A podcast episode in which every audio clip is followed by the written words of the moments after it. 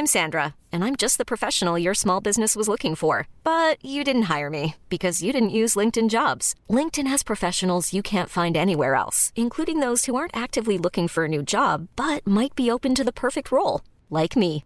In a given month, over 70% of LinkedIn users don't visit other leading job sites. So if you're not looking on LinkedIn, you'll miss out on great candidates like Sandra. Start hiring professionals like a professional. Post your free job on linkedin.com/achieve slash achieve today. One size fits all seems like a good idea for clothes until you try them on. Same goes for healthcare. That's why United Healthcare offers flexible, budget-friendly coverage for medical, vision, dental, and more. Learn more at uh1.com. Millions of people have lost weight with personalized plans from Noom, like Evan, who can't stand salads and still lost 50 pounds. Salads, generally, for most people, are the easy button, right? For me, that wasn't an option. I never really was a salad guy. That's just not who I am. But Noom worked for me. Get your personalized plan today at Noom.com. Real Noom user compensated to provide their story. In four weeks, the typical Noom user can expect to lose one to two pounds per week. Individual results may vary. Helt siden de første menneskene slo seg ned i Trøndelag, har det blitt observert underlige lys over Hessdalen. Fenomenet har blitt forsøkt bortforklart som syner sett av bygdetullinger og deliriske hallusinasjoner forårsaket av den lokale drikkekulturen. Men det skulle vise seg at fenomenet stakk langt dypere, når Hessdalen-fenomenet fikk verdensomspennende oppmerksomhet i ufo-miljøet på 1980-tallet. Fenomenet er fremdeles der, og det er fremdeles like uforklarlig som den gang. I 2024 kommer en podkastserie i seks deler, produsert av Project Hessdalen, som kanskje en gang for alle skal finne svar på hva som rører seg på himmelen i denne bortgjemte dalen i Trøndelag. Serien har som seg hør og bør fått tittelen A Blaze in the Northern Sky, og den kommer til din favorittpodkastavspiller i 2024.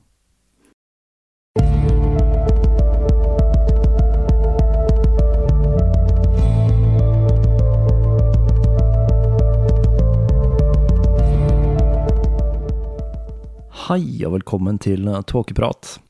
Jeg heter Even, og når jeg tar opp denne episode 103 og den tredje delen av Rasputin-serien, så er det torsdag den 2. mai 2019. Selv om jeg hadde regnet med at dette ville bli 14 hektiske dager, så ble det en del mer drama og intriger enn jeg opprinnelig hadde regnet med.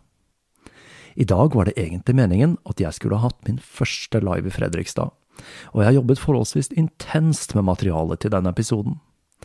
Det å gjøre en episode live har litt andre forutsetninger enn vanlige episoder. Materialet må tilpasses slik at det er forståelig selv for folk som ikke følger podkasten jevnlig. Jeg hadde planlagt å lage en episode som tok for seg noen av de mange løse trådene i fortellingen om Rasputin, som ulike russiske sekter og oppblomstringen av okkultisme i den russiske sølvalderen i tillegg til en liten Fredrikstad spesial. Forrige helg så hadde jeg satt av tid til å jobbe med liven, men fredag fikk jeg beskjed om at den kanskje ville bli avlyst, og på mandagen så kom altså avlysningen. Det gjorde at jeg så meg nødt til å jobbe med en slags generisk podkast-episode i påvente av beskjed. En som kunne fungere både i en live-setting eller eventuelt som neste del i serien om Rasputin. For de av dere som hadde gledet dere til liven i Fredrikstad, så er det bare å beklage. Beløpet for billettene som er kjøpt, det får dere refundert fra arrangør. Penger er ikke en drivkraft for tåkeprat, og det er noe jeg har sagt her i podkasten flere ganger, og det er noe jeg står ved. Selv om det å tjene penger på podcasting er en nødvendighet på sikt for å kunne opprettholde episodeproduksjonen på det nivået jeg syns den bør være på, Heldigvis så har jeg en Patrion, og det er den absolutt viktigste inntektskilden min fra podkasten. Og pengene jeg får derfra, går med til ting som serverdrift og min stadig voksende samling med bøker.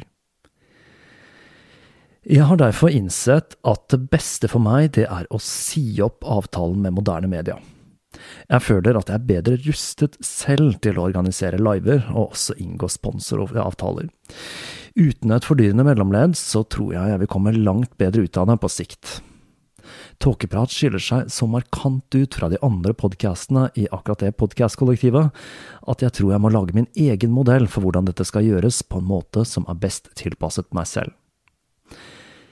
Samtidig så har det hele veien vært litt tungt for meg å svelge at moderne media står som produksjonsselskapet til Tåkeprat, når jeg faktisk gjør all jobben selv. Så da gjenstår det bare å se hvor lang tid det tar før jeg gjenstår på egne ben. Det er nemlig en lang oppsigelsestid i kontrakten, men jeg håper jeg kan slippe litt før. Og ikke minst så får jeg håpe at dette foregår uten ytterligere komplikasjoner. For de av dere som har etterlyst en live i Oslo, så er dette eksempel langt enklere å få til for meg nå. Jeg har fått flere tilbud, og enda flere tilbud kom inn i kjølvannet av avlysningen i Fredrikstad. Så jeg tror det skal være mulig å få til noe slikt om ikke så altfor lenge. Det samme gjelder også Bergen. Det, det, betyr sikkert lite for mange av dere som hører på, men blant dere lyttere som har en bakgrunn fra metallmiljøet, og det vet jeg gjelder en del av dere, så skjønner dere sikkert at dette med kredibilitet i forhold til åndsverk kan være en ganske viktig ting. Og jeg føler vel at dette valget gjør at jeg bør få et par ekstra poeng i det departementet. Det er nemlig ytterst få podcaster som har gått ut av en slik avtale på den måten jeg har valgt å gjøre. Og nå kan jeg virkelig briske meg med slagordet ekte norsk podcasting. Ok, da skal vi over på dagens episode.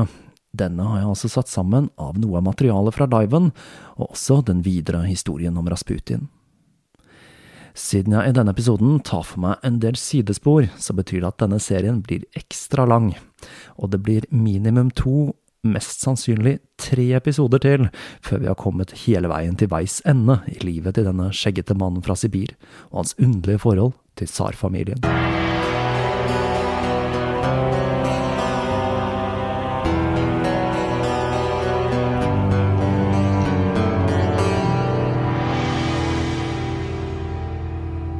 Rasputin ble altså raskt en slags spirituell rådgiver for tsarfamilien, og dette falt ikke i god jord hos svært mange i Russland. For det var flere merkelige ting med Rasputin, som at han kysset og kjærtegnet kvinnene som fulgte han, og at han gjorde ting som å bade sammen med dem for å teste viljestyrken sin. Dette var for så vidt også noe Mahatma Gandhi praktiserte.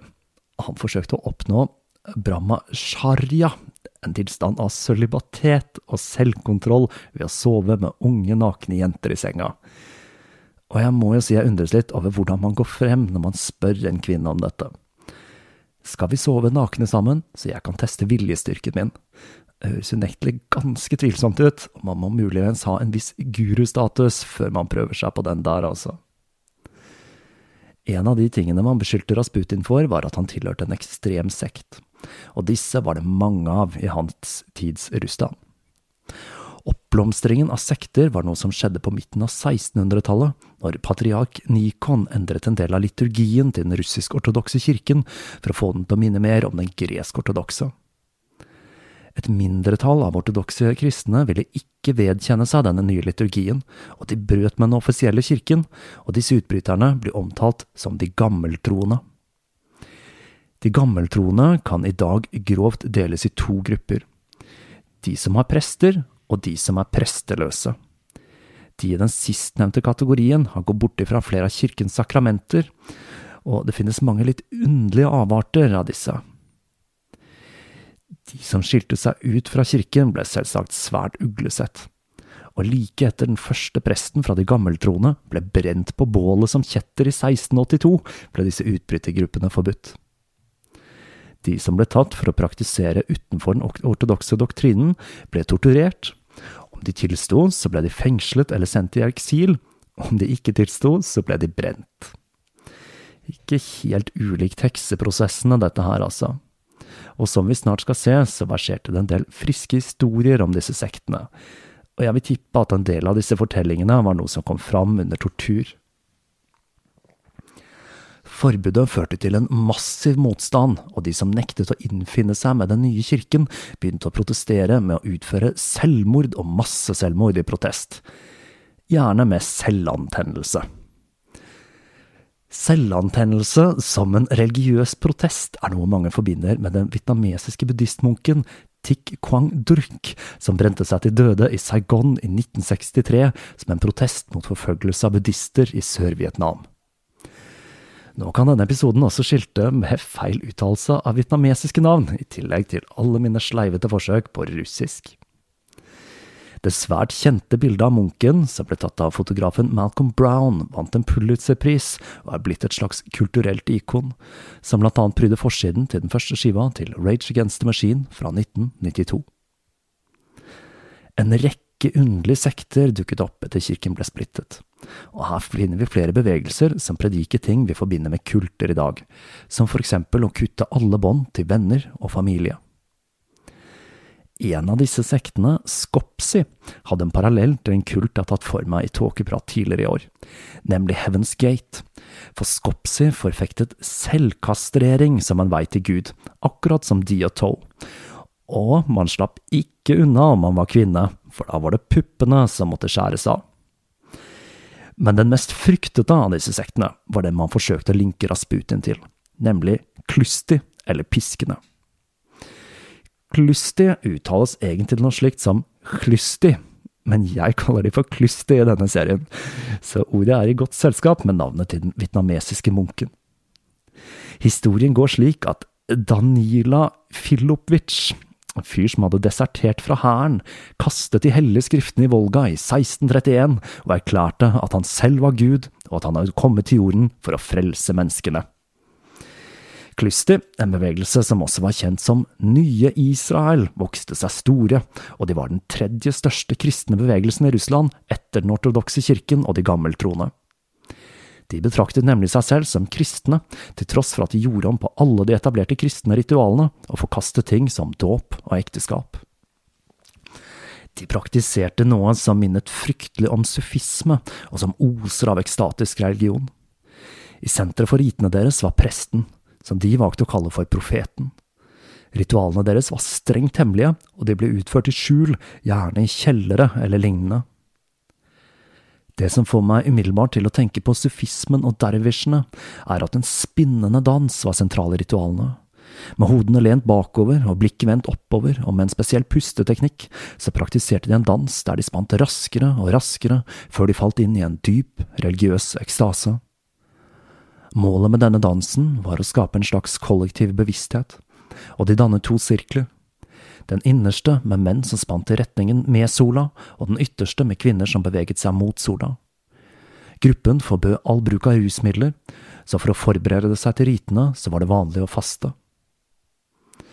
På slutten av ritet begynte profetiene å komme, og enkelte av deltakerne begynte å komme med ulike profetier, som for eksempel hvordan årets avlings ville utarte seg. Det hørtes også ut til at tungetale var ganske vanlig, da enkelte av deltakerne bablet usammenhengende og gjerne lagde dyrelyder. Disse profetiene ble tolket av personer som var spesielt utpekt til nettopp dette. Her er det også verdt å merke seg at de praktiserte likestilling mellom kjønnene når det gjaldt hvem som kunne komme med profetier. Og det er vel kanskje det villeste av alt, kvinner i religiøse posisjoner. Du og du, hvordan skal dette gå? Så hva tror dere kirken syns om denne praksisen? Som dere kan tenke dere, så var de ikke akkurat superbegeistret, og ryktene om hva de holdt på med, de var ganske friske. Det ble sagt at de pleide å ha en naken jomfru i midten av sirkelen, og at de skar av henne puppene og spiste disse i fellesskap før de hadde en orgie på gulvet.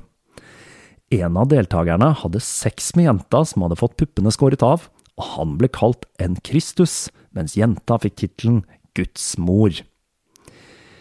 Selve navnet Klysti betyr altså piskende, og det var noe det var blitt gitt av motstanderne sine, for det ble sagt at de pisket hverandre under disse orgiene. Kannibalisme, sexorger, pisking og ekstase i Russland, her snakker vi altså. Grunnleggeren av en annen av disse utbrytersektene, Ilja Kovilin, som grunnla Fedosevtsky-bevegelsen, prediket at uten synd så finnes det ikke anger, og uten anger så finnes det ikke frelse. Det kommer til å være mange syndere i himmelen. Så kanskje det var den ideen som ga grobunn til ryktet om at Klysti hadde disse orgene, rett og slett så de kunne synde for etterpå å angre.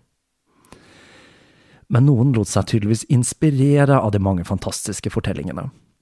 I 1853 ble en klystprofet, Vasilij Radaev, arrestert for å ha forfektet en litt spesiell form for religiøs doktrine. Han hadde hatt seg med flere av sine kvinnelige følgere, men ifølge han så var ikke det noe problem, det var nemlig Gud som hadde handlet gjennom han, kunne han fortelle. Dette var altså ikke for å teste viljestyrken, men rett og slett jeg er Gud-trikset. Det hadde gått spesielt ille for seg når en 17-årig jente hadde blitt med i et av ritualene hans, etter han hadde lovet henne at hun skulle få flammende vinger. Under ritualet så måtte hun kle seg naken, hvorpå han hadde slått kjønnsorganet hennes med et spansk rør. Det var vel disse flammende vingene, dette her, da. Han forsøkte å forsvare seg i rettssaken med at Kristus hadde iført seg kroppen til Adam, og det var det samme han gjorde for å fordrive synd. Etter å ha blitt undersøkt av lege, som erklærte han åndsfrisk, så ble han sendt i eksil til Sibir. Som en liten sidenote så fulgte kona med han til hans nye tilværelse. Myndighetene var på jakt etter medlemmer av Klysti, men siden dette dreide seg om en hemmelig bevegelse, så var det vanskelig å vite hvem som tilhørte sekten. Dette forsøkte de å løse i 1897 med en liste over kjennetegn på den typiske klysten.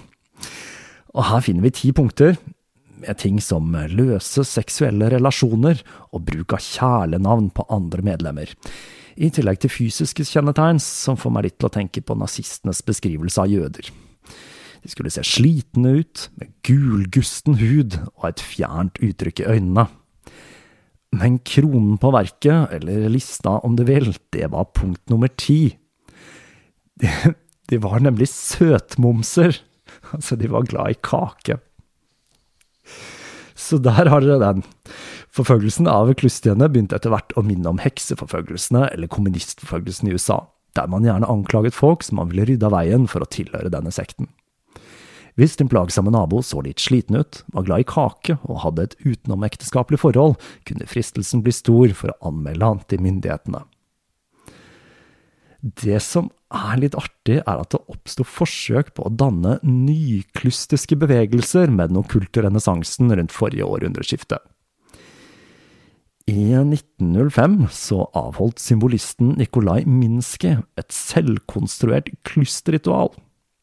Han samlet en gruppe med sine intellektuelle venner i leiligheten sin, hvor de skrudde ned belysningen og begynte å snurre rundt, før de korsfestet, symbolsk da riktignok, en jødisk musiker Nikolai hadde leid for kvelden og de kuttet håndleddene hans og tappet blod i et glass de alle drakk av, før de avsluttet kvelden med å kysse. Partytime i 1905, det der. Symbolistene så nemlig på klystisekten som en overlevning av en dionysisk kult. Og som vi husker, så kan Dionysos festing som tar deg lite grann. Her kan dere tenke på den øya jeg snakket om i episoden om druidene, kun bebodd av kvinner som var besatt av Dionysos, og hvor de hadde et årlig ritual der høydepunktet var at en av kvinnene på øya ble revet i biter av de andre.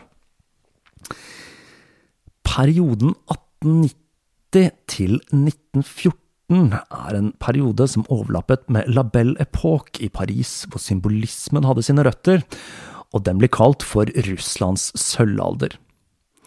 I denne perioden blomstret ulike okkulte bevegelser som Rosenkorsordenen, og ting som spiritisme og hypnose var fritidsaktiviteter som spredte seg fra intelligensiaen til Russlands middelklasse, og til og med arbeiderklassen begynte etter hvert å søke disse nyreligiøse bevegelsene. Dette var epoken da teosofien fikk skikkelig fotfeste, og Elena Blavatsky med sin hemmelige doktrine, som kom i 1888, var en het potet.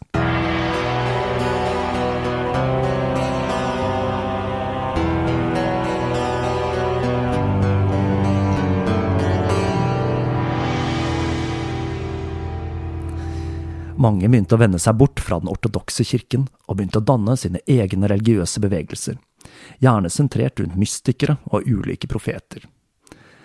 Og her finner vi mye rart, som Aleksej Sjetinin.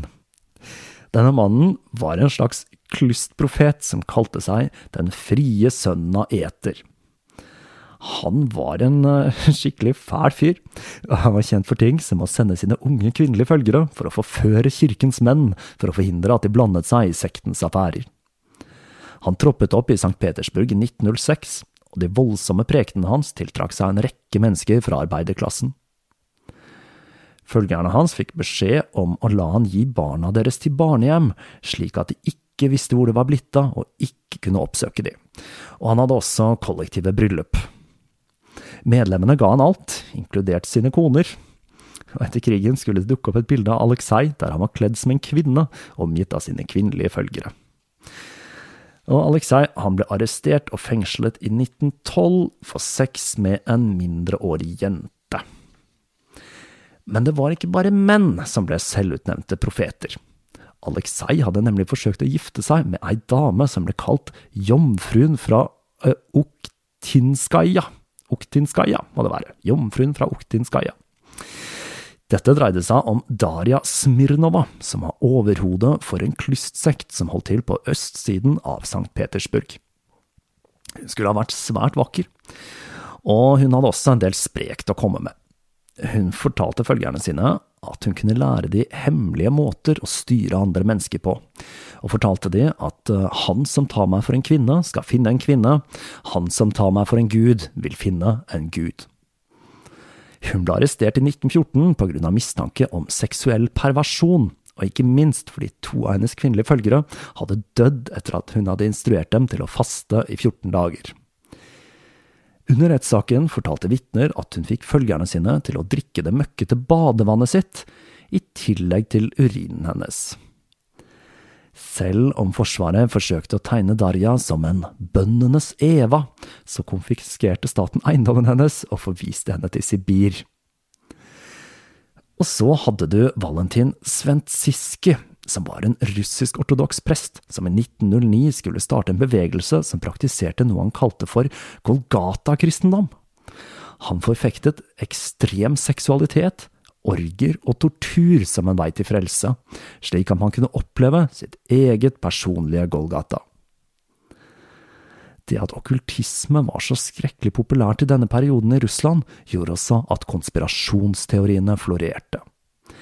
En av de mest utbredte var at det var jøder og frimurere som forsøkte å undergrave det russiske samfunnet. Vi tror kanskje at det er vår tid med internett som er konspirasjonsteorienes tidsalder. Men eh, tenk litt på hvordan det var på den russiske landsbygda, hvor analfabetisme var utbredt, i et samfunn som var i ferd med å gjennomgå enorme sosiale omveltninger. Og få personer var så til de grader antisemittiske som den gale munken Iljodor. Iljodor hadde hisset på seg Stalipin, og det hadde ført til at han hadde krevd at Iljodor skulle sendes til Novosil, men Iljodor klarte å rømme og dro tilbake til klosteret sitt i Tsaritsyn. Når Iljodor kom tilbake til klosteret den 12. mars 1911, så barrikaderte han seg bak murene, og titusenvis av følgere flokket seg rundt ham for å høre ham tale. Illsint fortalte han forsamlingen at tsaren var i hendene på sine jødefrimurerministre, og den aller verste var statsministeren Stalepin. Han forlangte at alle burde bli straffet med stokkeslag, og at Stalipin måtte straffes ekstra hardt, som han fikk banket frimureren ut av ham skikkelig. Jøder og frimurere ble nemlig ofte sauset sammen i disse konspirasjonsteoriene. Det var en fastlåst situasjon. Politiet ble bedt om å hindre at flere følgere flokket seg til han, og også om å storme klosteret. Men det sistnevnte det nektet de, da de innså at dette kom til å føre til et blodbad. Iljador spilte på følelsene til følgerne sine, og sa at de alene kunne redde han, og at dette var en sikker måte å komme til himmelen på. Han bevæpnet dem med rifler og slagvåpen, og fikk de til å omringe klosteret, som nå tjente som hans personlige festning. Dette kaoset viste hvor farlig og uorganisert kirken hadde blitt. Og Stalepin, som var den som fikk det meste av pepperet fra Iljedor, uttalte at dette ikke bare var ekstremt svekkende for kirken, men også for monarkiet, og at tsaren ikke under noen omstendigheter måtte gi etter. Iljodor begynte også å spre rykter om at tsaren var redd for å gjøre noe, fordi Iljodor egentlig var stebroren til Nikolai, som hans far Aleksander 3. hadde fått utenom ekteskapet. Litt av noen drøye påstander fra Iljodor. Men så slår Nikolai til igjen, for til slutt så ga han etter og benådet Iljodor, sånn at han kunne forbli i Tsaritsyn. For å glatte over dette, så kom kirken med en offentlig uttalelse der de sa at det var de som hadde gitt tillatelsen til at han kunne dra fra Novisil og tilbake til Tsaritsyn. Som vanlig så var det altså ikke så mye tak i han der, tsar Nikolai. Mange valgte selvsagt å legge skylden på Rasputin, og ikke på tsaren. Selv om Rasputin han hadde vært på en pilegrimsreise i Jerusalem i denne perioden, og han kjente ikke til skandalen i det hele tatt. Astadipin hadde hatt rett. Dette var en farlig avgjørelse av tsaren, og Iljador var nå mer selvsikker enn noen gang tidligere om det i det hele tatt var mulig. Når Rasputin kom tilbake fra pilegrimsreisen, så dro han til klosteret til Iliador den 14. juni, og han ble der i et to uker langt opphold som tiltrakk seg enormt med oppmerksomhet fra pressen. Den 18. juni holdt Rasputin en preken om reisen til Jerusalem for 200 av hans kvinnelige tilhengere. Og noen dager senere så dro han, Iljodor og Germogen på en båttur med 40 kvinner til et nonnekloster i Dubovoka. Rasputin ble veldig populær hos nonnene, og det fikk Iljodor til å surmule litt, så han bestemte til slutt at tiden var inne for å dra. Men Rasputins dametekke gjorde seg gjeldende igjen, og på båten på vei tilbake igjen så fulgte det med 200 ekstra beundrerinner. Det som virkelig gjør inntrykk på meg med Rasputins besøk i Tsaritsyn, det er avskjedsseremonien. For da Rasputin skulle dra den 29. juni, så holdt en tale foran en massiv menneskemengde med flere tusen mennesker. Han priste Rasputin, som hadde forsvart han mot jødepressen. Han kalte han vår elskede venn og bror i Kristus. Og når jeg satt og jobbet med dette, så la jeg merke til en veldig rar ting. Stavekontrollen i Word kjenner nemlig igjen ordet jødepressen. Så her føler jeg at det er grunnlag for en konspirasjonsteori. Iliodois siste ord før de satte seg i en vogn dekket av kunstige blomster og grønne planter, var at han er en stor mann med den vakre sjelen til en engel. Vognen ble fulgt i havna av en gruppe kvinner og jenter som sang patriotiske sanger og ropte lystige hurra.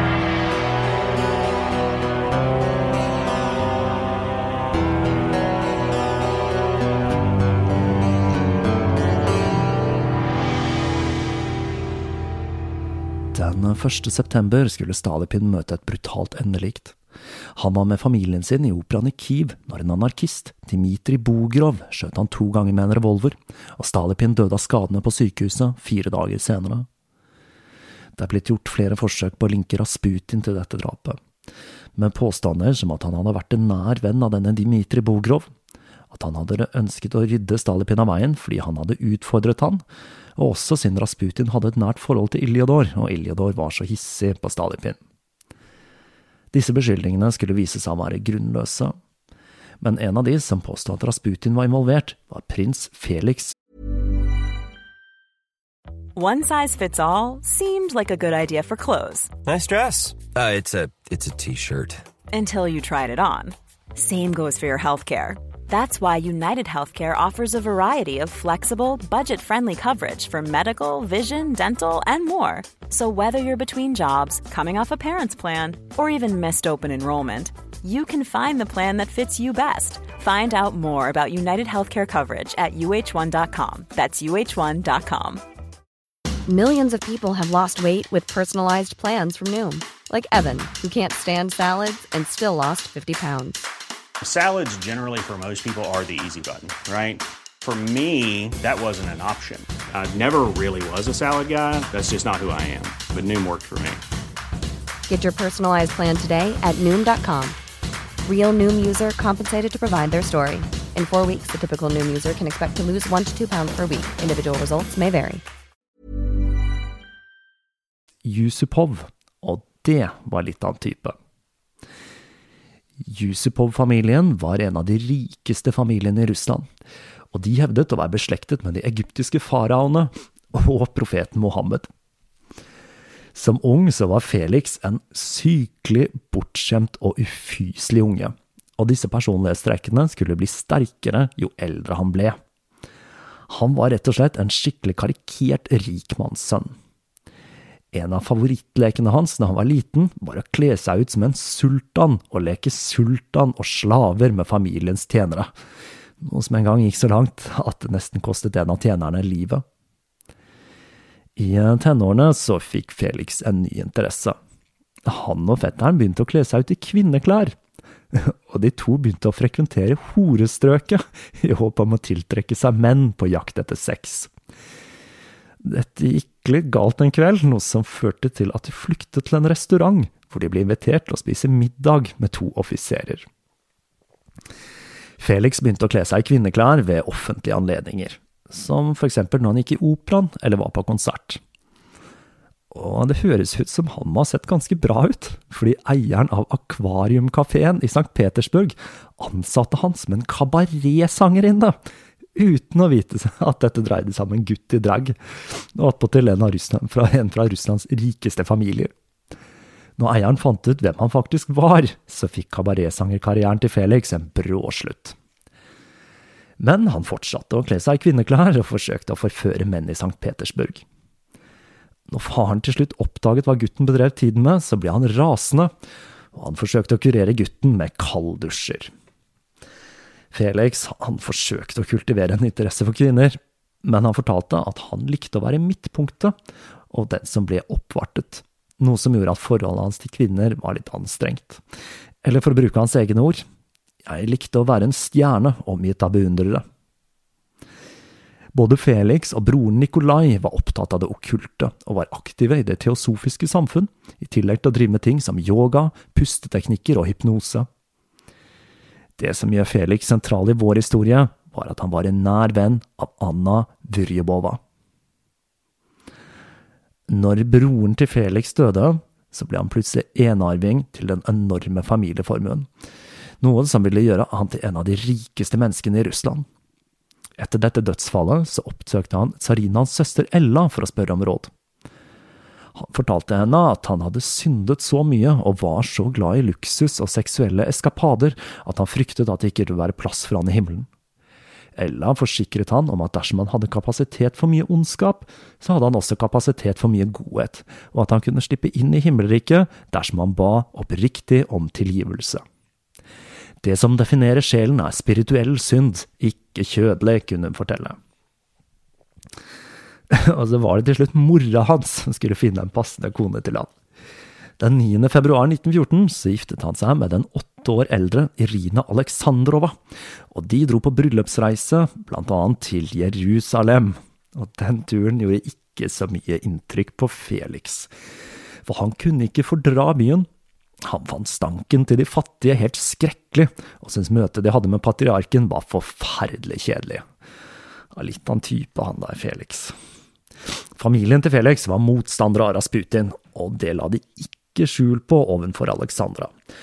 Og dette surnet forholdet til tsarfamilien noe aldeles forferdelig. Det er derfor litt underlig at han forsøkte å komme i kontakt med Rasputin etter brorens død.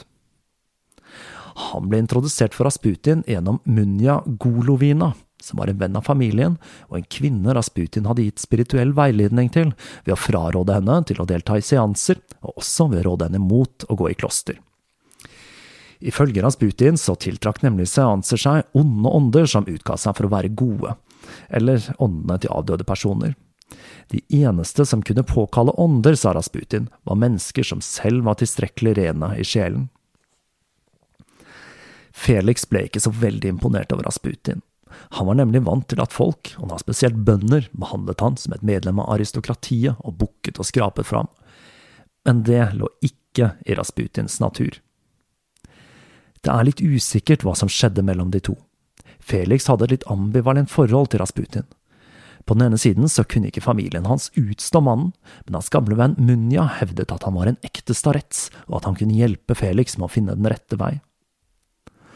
Rasputin skulle av en eller annen grunn forsøke å bli en venn med Felix i en årrekke.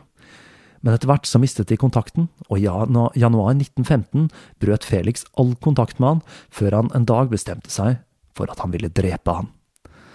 Og som vi skal se etter hvert i denne historien, så var det mange som fikk akkurat det for seg. Den 16. desember 1911 så skulle det skje noe skikkelig merkelig i livet til Rasputin. Han var sammen med Iljodor i Vasiljevskij, hvor de skulle møte Germogen. Når Iljodor og Rasputin kom til Germogen, så skjønte straks Rasputin at noe ikke var helt som det skulle. Sammen med Germogen var nemlig Ivan Rodinov, en kosakk fra den nasjonalistiske bevegelsen De svarte hundre, og Mitja Koselski, det var jo han som ble kalt for den nasale stemmen, som vi husker fra den første episoden. Han som hadde vært populær ved hoffet etter at monsieur Philippe hadde dratt, og før Rasputin overtok rollen som den spirituelle rådgiveren til tsarfamilien. Mitja og Rasputin hadde vært venner en stund, men da Rasputin hadde tatt han på fersken i å kysse og klemme på kvinnene i Rasputins gruppe, så hadde han beskyldt ham for kjødelige utskeielser. Mitya hadde forsvart seg med å fortelle, gjennom en tolk går jeg ut ifra da, at han bare praktiserte Rasputins egen lære om å bygge viljestyrke og motstå fristelse. Og der har vi den igjen, altså, dette med å teste viljestyrken, du og du. Dette hadde ført til et uvennskap mellom de to, og Mitya hadde senere blitt utvist fra St. Petersburg, noe Rasputin ble mistenkt for å stå bak. De fire stilte seg rundt Rasputin og skjelte han ut. De kalte han en synder og for antikrist. Iljodor beskyldte Rasputin for å ha påtvunget han vennskapet sitt, og sa at han ikke hadde vært sterk nok til å stå imot, men at han nå, med disse vennene ved sin side, kunne si hva han mente. Hva som skjedde videre, er litt avhengig av hvilke kilder man bruker. Det har vært snakk om at de fire ville kastrere Rasputin, at de slo han med kors og ikoner, og at Rasputin brøt sammen og fortalte at alt de sa var sant. Uansett hva som skjedde, så markerte dette møtet slutten på vennskapet mellom Rasputin, Iljodor og Germogen. Hva som motiverte de til denne konfrontasjonen, er ikke helt sikkert. Det er flere mulige motiver. Rasputin skulle blant annet ha nektet å gi finansiell støtte til en avis Iljodor hadde tenkt å starte, som da skulle hete Torden og lyn, som er en ganske passende tittel. Og Den tittelen får meg litt til å tenke på Savitri Devis bok 'Lyna og sola. Og hun hadde jo vært et flott parti for Iljodor, det hadde vært paret sitt, det. Men dette dreide seg nok mest sannsynlig om at Iljodor og Germogen begynte å betrakte Rasputin som en for polariserende figur ved tsarens hoff. Og det kan tenkes at Iljodor håpet at dette ville bringe han selv nærmere Nikolai og Alexandra, men der skulle han ta fryktelig feil. Den første av disse som skulle falle i unåde, det var Germogen. Den 7. januar 1912 fikk han vite at han var blitt fratatt sitt verv som biskop i Saratov, og at han også hadde mistet sin plass i synoden. Germogen ble rasende, og i et intervju med en avis noen dager senere langet han ut mot den perverse klysten Rasputin og hans blasfemiske handlinger. Men denne oppsigelsen skyldtes faktisk ikke Rasputin i det hele tatt, men Germogen selv. Året før hadde synoden foreslått en del endringer av kirkens praksiser, som blant annet å kunne tilby begravelser for personer som ikke var russisk-ortodokse. Kanskje ikke helt dramatisk etter vår standard, men dette falt ikke i god jord hos den erkekonservative Germogen. Han hadde skrevet et telegram til tsaren der han ba om at det måtte gjøres noe for å forhindre denne kjetterske praksisen. Synoden ble ikke imponert over at han hadde tatt et internt anleggende i kirken direkte til tsaren, og de hadde bestemt at han måtte fratre sitt verv. Pressen fikk tak i telegrammet han hadde skrevet, og Germogen begynte å hevde at han hadde det han egentlig hadde reagert så voldsomt på, og grunnen til at han hadde mistet vervet sitt, var at han hadde motsatt seg at Rasputin skulle utnevnes til prest. Dette var selvsagt bare vrøvl, og synoden beordret han fjernet fra byen. Og den 22. januar så måtte han sammen med Mitja slukøret sette seg på toget. Han dro til Sankt Uspeske-klosteret i Syrovitz, hvor han skulle leve en beskjeden tilværelse fram til 1915.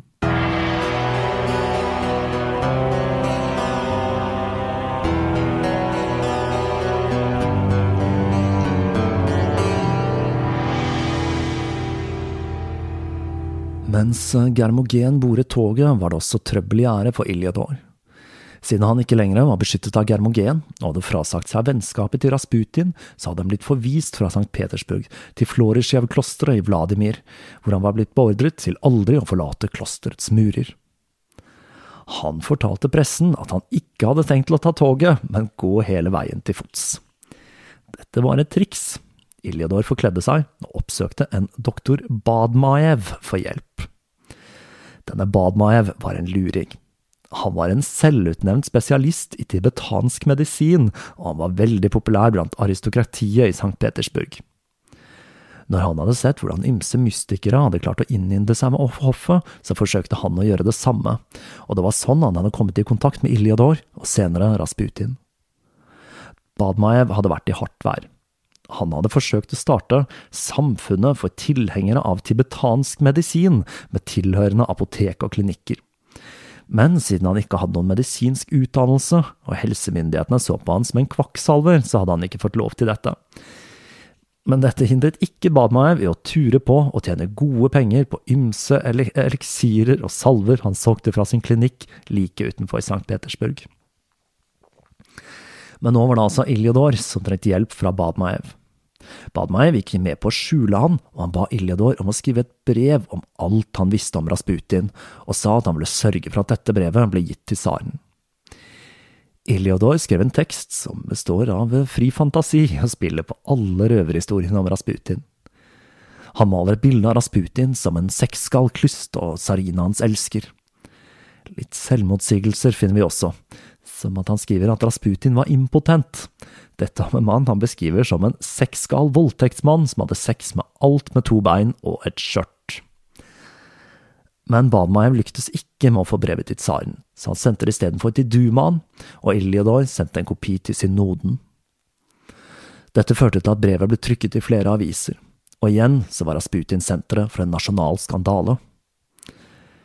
Men dette hjalp ikke Iljodor, og til slutt så så han seg nødt til å dra til Florisjev, men han var langt ifra ferdig med sine angrep mot Rasputin. Dere husker kanskje hvordan Rasputin hadde vist frem brevene han hadde fått fra aristokratiet og tsarfamilien til Iljador, og hvordan Iljador hadde fått låne disse. Vel, om han lånte de, eller om han puttet de i lomma uten at Rasputin visste det, er ikke helt sikkert, og det avhenger litt av hvilken versjon av historien man skal tro på. Men nå skulle disse brevene skape enda mer skandale. Det var ett brev fra Alexandra og ett fra hver av døtrene. Brevene fra barna var uskyldige. De skrev om hvordan de savnet Rasputin, og hvordan de var lei seg når deres mor var syk. Men brevet fra Alexandra, det var litt mer pikant. Hun skrev nemlig ting som at hun savnet å sovne omfavnet av Rasputin, og at hun fant sjelefred med han ved sin side. Originalene til disse brevene skulle til slutt ende opp hos innenriksministeren, men kopier av brevet fra Alexandra til Rasputin begynte å sirkulere i St. Petersburg. Brevet i seg selv er ganske uskyldig, tatt i betraktning forholdet mellom Rasputin og tsarinaen, så handler dette om takknemligheten Alexandra følte for Rasputin siden han hjalp sønnen hennes. Men siden Rasputins rolle som Alexeis helbreder ikke var kjent blant folk flest, så var det mye å styrke ryktet om at de to hadde et seksuelt forhold. Det begynte også å sirkulere spicy utgaver av dette brevet, med et langt mer pikant innhold enn i originalen. Tilværelsen i Floresjev var hard. Iljodor levde i isolasjon i en liten celle med gitter for vinduet. Han begynte å trekke seg tilbake fra den religiøse praksisen, og ville ikke lenger ha noe med de andre munkene å gjøre. Han begynte å planlegge og skrive en hel bok for å sverte Rasputin, en bok han planla å kalle Den hellige djevelen. Denne boka skulle bli en realitet, men først mange år senere, i et Russland som var helt annerledes. Den 19. november så skrev han til og med et brev til Rasputin og ba om hjelp, men han fikk ikke svar. Og så gikk det ei kule varmt igjen for Iljodor. Han bestemte seg for å fratre sin stilling i kirken, og det med stil. Han skrev nemlig oppsigelsen i sitt eget blod, og dette dreier seg om et forholdsvis langt brev, der han langer ut mot Rasputin. Det gikk med andre ord med mye blod på å skrive denne oppsigelsen. Rasputin på sin side, han skrev til Nikolai og Alexandra at Iljodor var blitt gal, og han sendte også noen truende brev til Iljodor, der han blant annet truet med å skyve et staur opp i rumpa hans, Vlad Tepers-style. Iljodor flyttet til landsbyen han kom fra, i Bolsjoj, og han forsøkte å leve et normalt liv. Han giftet seg til og med, men han fant ikke fred. Han bestemte seg for å starte en revolusjonær bevegelse, og gikk til anskaffelse av 120 bomber han skulle bruke til å ta livet av personer i stat og kirke men en av følgerne hans tystet, og han ble arrestert. Mens han satt i arresten, ble han oppsøkt av en kvinne, Kinoya Guseva, som sverget at hun skulle hjelpe han med å ta dage den personen som hadde forårsaket all hans ulykke, Grigori Rasputin. Igjen en som får det for seg at det er en bra ting å drepe Rasputin, altså. Januar 1912 stormet det fælt rundt Rasputin og til tross for at Nikolai forsøkte det han kunne, så var det ikke mulig å stoppe alle skriveriene, og Rasputin ble fotfulgt i St. Petersburg. Den 12. februar fikk statsminister Kokvotsov et brev fra Rasputin der han skrev at han planla å forlate Rasputin for godt, men at han først ville ha et møte med han. Tre dager senere så troppet han opp på statsministerens kontor. Han fortalte at livet var hardt i St. Petersburg, og at folk fant på historier og spredte rykter om han. Det er løgner, det er ikke jeg som insisterer på å besøke palasset, det er de som tilkaller meg, skrek han. Rasputin forlot St. Petersburg og satte kursen mot Pokrovskoje den 18. januar. Før han dro, så skrev han et brev til Nikolai og Alexandra, der han beskyldte Dumaen for å spre rykter og usannheter om han. Rasputins strategiske tilbaketrekning førte til enda en strøm av rykter. Det at det var Anna Vyrjebova og søsteren som hadde ønsket ham farvel når han gikk på toget, og det at han hadde fått en bukett med hvite roser fra tsarfamilien i avskjedsgave, gjorde at mange spurte seg om dette faktisk markerte slutten på innflytelsen Rasputin hadde i tsarens hoff. Den neste som skulle plukke opp tråden i krigen mot Rasputin, var Mikhail Rudsanko, som ble president for Dumaen i 1911. Mikhail tilhørte en fraksjon av dumaen som ønsket en saktere form av den russiske staten. Han var med andre ord ikke like krakilsk som personer som Iljodor og De svarte hundre. Det er kanskje verdt å merke seg at de som var moderate, var i sørgelig mindretall. Mikhail ble oppsøkt av et annet medlem av dumaen, Vladimir Purskevitsj, som fortalte at han ville ta livet av det skadedyret som var Rasputin. Her har vi enda en, altså. Og Vladimir skulle faktisk senere bli en av Rasputins mordere. Mikhail oppfordret han til heller å samle informasjon om Rasputin for å overbevise Nikolai, og ved hjelp av flere personer, blant annet Felix Yusupov, så begynte de å samle på materiale som svertet Rasputin. Dette inkluderte brev fra mødre hvis døtre hadde blitt forført av ham. Hvordan de hadde fått tak i disse brevene, det vites ikke. Den 26. februar så fikk Mikhail en audiens med tsaren, og han begynte å legge frem hvor skadelig Rasputin hadde vært for monarkiet. Han poengterte at alle som hadde uttalt seg negativt om Rasputin, hadde blitt straffet for det. Og så hadde han med seg et avisutklipp fra en utenlandsk avis, hvor det ble skrevet at frimurere i Brussel helt åpent diskuterte hvordan Rasputin var et verktøy for frimurere i Russland. Nå må vi huske at jøder og frimurere er jo omtrent det samme, så dette var fryktelig farlige greier. Dette var altså et forsøk på å vise tsaren at Rasputin var et verktøy for den internasjonale jødefrimurerkonspirasjonen. Det er litt artig at dette kom fra Dumans moderate stemme. Tsaren var jo ikke superhappy med dette, men han trodde at Mikhail ønsket det beste for landet. Han sa at han ikke kunne sende Rasputin i eksil slik som han ønsket. Så Mikhail fortsatte å grave. Han fikk blant annet tak i rapporten fra etterforskningen av Rasputin i 1908, og han var overbevist om at han skulle klare å redde tsaren og Russland ved å avsløre hvem Rasputin egentlig var. Han kokte sammen en rapport som han overrakte Nikolai i mars og så ventet han, og så ventet han.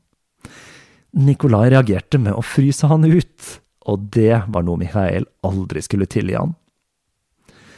Den 9. mars skulle Aleksandr Gukhov, et annet medlem av dumaen, holde en tale som skapte masse furore. Alexander han var litt av en type. Han var glad i å skryte. Han var hissig, og han var notorisk utro. Datteren fortalte senere at familien aldri kunne dra på sommerferie samme sted to år på rad, fordi stedet de hadde besøkt året før, var fullt av babyer som lignet skrekkelig på henne. I, I, denne talen så nøret han opp under konspirasjonsteoriene rundt Rasputin, og han sa at Rasputin truet eksistensen til både kirke og stat. En artig sidenote er at en kosakk fra De svarte hundre reiste seg under talen og ropte Dette er kvinnfolkprat. Talen ble trykket i avisen Nye Tider dagen etter, og dette gjorde ikke bare at Alexander ble en personlig fiende av tsaren og tsarinaen, men det førte også til at forholdet mellom tsaren og dumaen ble ødelagt for all ettertid, og Nikolai skulle aldri igjen gi audiens til presidenten i dumaen etter dette. Her kan man formelig høre det russiske monarkiet rakne i sømmene, altså. Alexander var nok heller ikke helt ærlig han visste utmerket godt at det han sa i talen kun var rykter. Men han hadde nemlig et horn i siden til Nikolai, og mente at han ikke var blitt vist nok respekt, så dette var både en personlig og politisk vendetta. Denne skandalen skapte internasjonal oppmerksomhet, og den østerrikske og engelske ambassadøren skrev rapporter om denne mystiske mannen fra Sibir. I hvis lære grensen mellom religiøs ekstase og perversjon var utydelig. Rasputin var ikke så lenge i Pokrevskoje. I midten av mars tok han en snartur til St. Petersburg, før han dro og møtte tsarfamilien på Krimhalvøya. Alt bråket rundt Rasputin førte til at etterforskningen av hans tilknytning til klystiene ble gjenåpnet. Fader Ostrumov i Pokrevskoje kunne rapportere at Rasputin jobbet i åkrene, overholdt høytidene og dro på pilegrimsreiser. Det eneste underlige elementet var Olga Loktina, hun hadde bodd hjemme hos Rasputin siden januar, og hun hadde begynt å oppføre seg litt merkelig. For det første så omtalte hun Rasputin som Gud. Hun hadde brutt alle bånd til mannen og barna, og de på sin side nektet å ha noe med Rasputin å gjøre. Den 23. april hadde hun flyktet fra huset etter en krangel med kona til Rasputin. Hun hadde løpt ut av huset barfot og med en pute i hendene før Rasputin hadde klart å hanke henne inn. Senere så hadde hun begynt å vandre rundt, og ble funnet i nærheten av klosteret Iljodor ble holdt i, med klærne i filler mens hun truet med å drepe seg selv. Pressen plukket selvsagt opp denne saken, og dro den fram som et eksempel på hvordan det gikk med ofrene til Rasputin.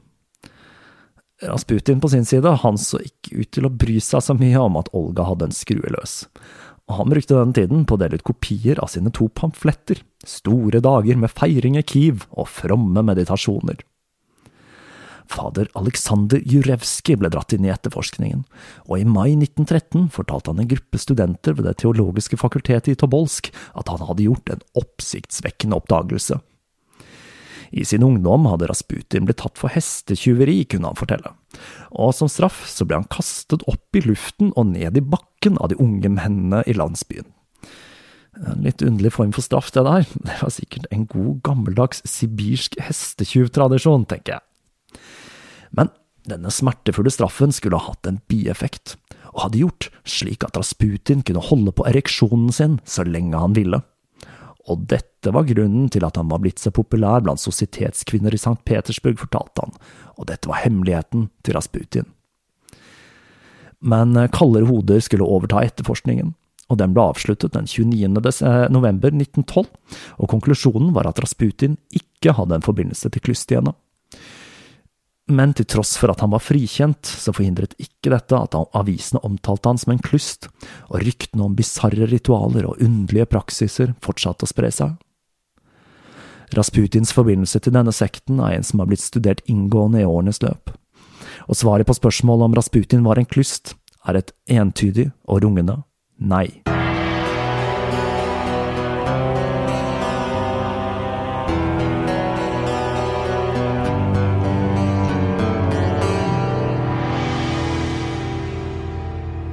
Og da forlater vi igjen Rasputin og tsarens Russland. I denne episoden ble det altså noe mer sidespor enn jeg egentlig hadde tenkt å ha med i denne serien. Men når alt kommer til alt, så er det jo litt kult å vite om noen av de underlige religiøse bevegelsene som oppsto hos vår nabo i øst. Nyklystisisme kunne jo vært noe å dra i gang her til lands også, men vær så snill og ikke skyld på meg om noen av dere lyttere får trøbbel av å korsfeste innleide musikere i stua. Denne fortellingen er også en påminner om at antisemittisme ikke er noe som plutselig spratt opp av jorda i Tyskland på 30-tallet, men at vi har lange tradisjoner for å hate jøder på tvers av kulturer. Det får meg til å tenke på en nyhetssak jeg leste nå nylig, om et polsk ritual der man denger en Judas-figur. Problemet er at denne Judas-figuren ser ut som en karikert ortodoks jøde. Kanskje Baron Sasha Cohen traff litt med blink med Borat sitt forhold til jøder enn vi liker å tro. Som vi ser, så begynner nettet å snøre seg sammen rundt Rasputin, og vi har allerede blitt introdusert for noen av hans mordere, og verre skal det bli. Jeg satser på å få ut neste episode neste søndag, men jo dypere jeg kommer inn i denne fortellingen, jo mer utfordrende blir den. Jeg føler jo at vi er på ganske god vei etter tre episoder, og som jeg sa innledningsvis, så kan denne serien fort ende opp med seks deler. Fram til da, og mens jeg sysler med hvordan jeg skal legge opp løpet framover med tåkeprat, så vil jeg som vanlig oppfordre til å tipse venner og kjente om podkasten, følge den i sosiale medier, eller bli en patrion. Nå kan jeg fortsette å være den særingen som ikke gir meg på tørre møkka med å skrive podkast med C og ikke K. Dette er tross alt en podkast, og ikke en podkast. Sånn er det bare. På gjenhør.